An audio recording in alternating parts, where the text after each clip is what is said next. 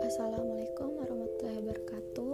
Perkenalkan, nama aku Melka Remanda. Aku mahasiswi Hubungan Internasional Universitas Muhammadiyah Yogyakarta. Dalam podcast ini, aku bakalan menceritain secara singkat tentang Kesultanan Utsmaniyah. Tentang sejarah kemunculannya, tentang kejayaan, tentang keruntuhan, dan warisan-warisan yang ditinggalkan sampai saat ini. Nah, uh, Kekaisaran Turki Utsmania ini dibangun pada abad ke-12. Jadi, awalnya pada abad ke abad ke-12 ini suku Kai dari keturunan Oghuz lari dari serangan tentara Mongol yang dipimpin oleh Genghis Khan. Mereka kemudian mengembara ke Iran. Nah, dari Iran ini mereka pindah ke Asia Kecil atau Anatolia, yang mana Anatolia ini merupakan uh, negara yang nantinya akan menjadi negara Turki. Anatolia tadinya berada di bawah Kesultanan Rom. Namun, setelah dinasti Seljuk membubarkan Kesultanan Rom, Anatolia terpecah menjadi beberapa negara. Salah satu suku Kai yang pindah ke Anatolia itu adalah Utsman. Utsman ini merupakan uh, putra dari Ortogul dan cucu Sulaiman. Nah, Utsman ini uh, setelah pindah ke Anatolia memimpin pasukan tentara Muslim Turki yang disebut Ghazi. Nah, pada saat itu Ghazi itu memerangi tentara Mongol yang menyerang Anatolia dan tentara Seljuk pada 1293. Karena itu, uh, jasanya itu Utsman dijadikan penguasa di wilayah Iskiyar dekat Bursa oleh Sultan Alauddin yang merupakan pemimpin Seljuk. Nah, Seljuk ini ber, terus berperang dengan Mongol sampai akhirnya Seljuk ini uh, melemah. Gak lama setelah itu, Seljuk akhirnya bubar. Nah, pada saat setelah uh, Seljuk bubar ini, Utsman menjadi pemimpin kerajaan Islam yang kuat. Kemunculan Utsman dan tentara-tentaranya menarik uh, perhatian banyak orang di kawasan Timur Tengah. Mereka uh, merupakan keluarga-keluarga dan suku-suku yang berpindah-pindah, dan mereka uh, tak punya pekerjaan. Nah, mereka ini kemudian meminta untuk mengikuti Utsman dan akhirnya masuk Islam. Mereka juga membantu Utsman memperluas wilayahnya. Nah, setelah berhasil memperluas wilayahnya, Utsman ini berperang melawan tentara Bizantium yang berpusat di Konstantinopel, yang kini menjadi Istanbul. Bizantium merupakan kekaisaran Kristen yang meneruskan kekaisaran Romawi. Tahun 1300, Utsman menguasai Anatolia setelah berkali-kali mengalahkan Bizantium. Utsman dan bangsanya semakin berkembang seiring dengan melemahnya kekaisaran Bizantium. Ia menguasai teritori Bizantium dari pinggir. Wilayah awal Turki Utsmani membentang sampai Mediterranean Timur dan Balkan putra Utsman yang bernama Orkan menaklukkan Bursa pada tahun 1324 dan menjadikannya ibu kota Utsmaniyah. Nah, setelah Utsman, setelah Utsman dan Orkan, Utsmaniyah ini selanjutnya dipimpin oleh anaknya Orkan yang bernama Sultan Murad pertama. Nah, setelah uh, Sultan pertama ini, uh, Utsmaniyah dipindahkan tangan lagi kepada Sultan Bayazid yang merupakan anak dari Mur uh, Sultan Murad. Nah, dari Sultan uh, dari Sultan Bayazid ini, uh, Utsmaniyah kembali dipindah tangankan kepada Sultan Muhammad pertama bin Bayazid.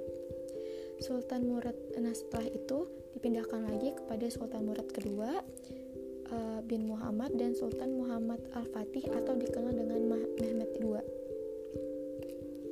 Nah, Turki Utsmani merupakan sebuah kekhalifahan yang sangat kuat dalam sejarah Islam. Kerajaan Turki Utsmani kala itu menguasai semenanjung Arab hingga dengan Asia Selatan.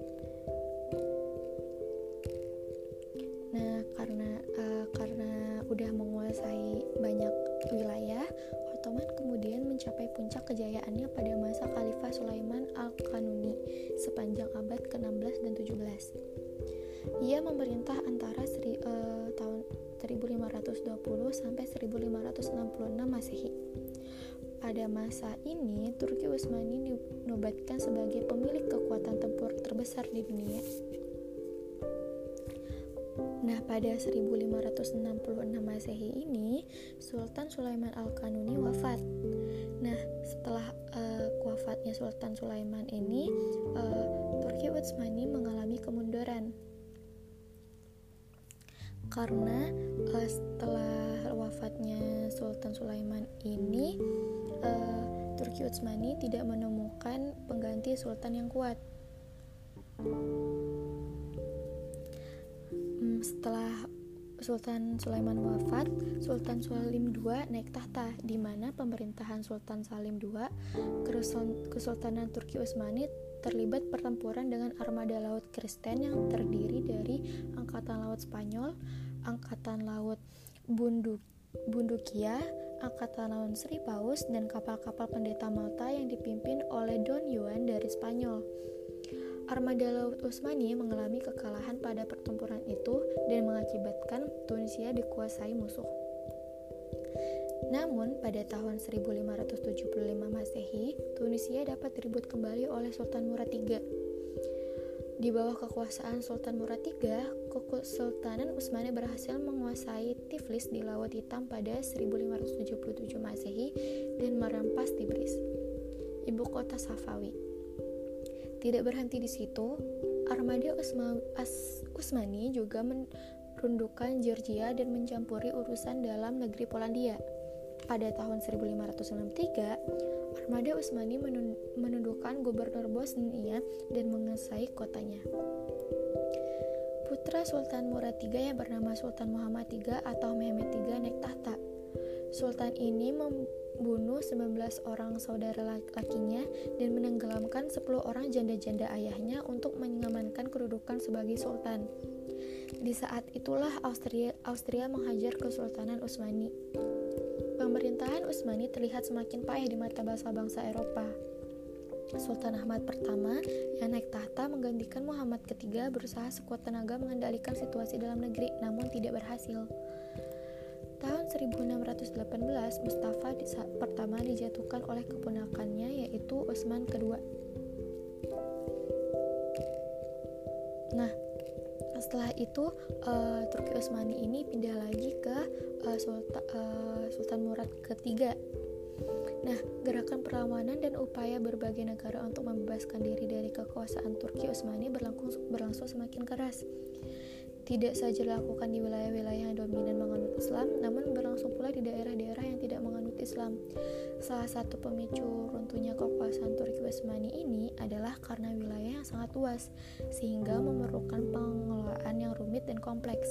Hal itu tidak diimbangi dengan sistem administrasi yang tepat dan diperparah dengan konflik internal di kalangan penguasa kesultanan. Lemahnya karakter para sultan Turki Utsmani juga menjadi faktor runtuhnya sistem kesultanan. Ketika terjadi pembaruan politik yang semakin keras di awal abad 20, akhirnya Kesultanan Turki Utsmani yang mencapai puncak kemasannya pada Sultan Sulaiman Al-Kanuni II pada abad silam akhirnya runtuh di masa Kesultanan Sultan Mehmed pada 1922. Sultan Turki Utsmani terakhir itu wafat di pengasinan pada 1926. Dua tahun sebelum wafat, kekuasaannya juga tamat. Kesultanan Turki Utsmani diganti dengan berdirinya Republik Turki pada tanggal 3 Maret 1924.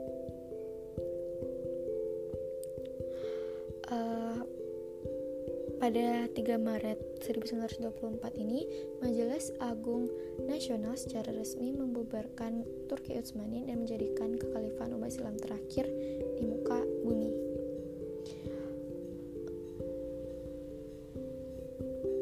Um, apa saja sih warisan yang ditinggalkan oleh Turki Utsmani?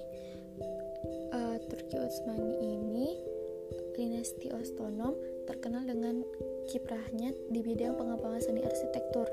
Nah, mereka membangun masjid-masjid yang sangat indah seperti Masjid Sultan Muhammad Al-Fatih, Masjid Raya Sulaiman, dan Masjid Hagia Sophia yang merupakan yang dulunya merupakan gereja mm, gereja katedral. Selain masjid, Turki Ottoman juga membangun sekolah, rumah sakit, gedung, jembatan saluran air, dan pemandian umum. Disebutkan 235 buah bangunan itu dibangun di bawah koordinasi Sinan, seorang pemilik arsitek asal Anatolia. Nah, e, begitu cerita singkat saya tentang e, dinasti Ottoman. E, terima kasih sudah mendengarkan. Saya harap e, apa yang saya ceritakan ini jelas dan dapat dimengerti.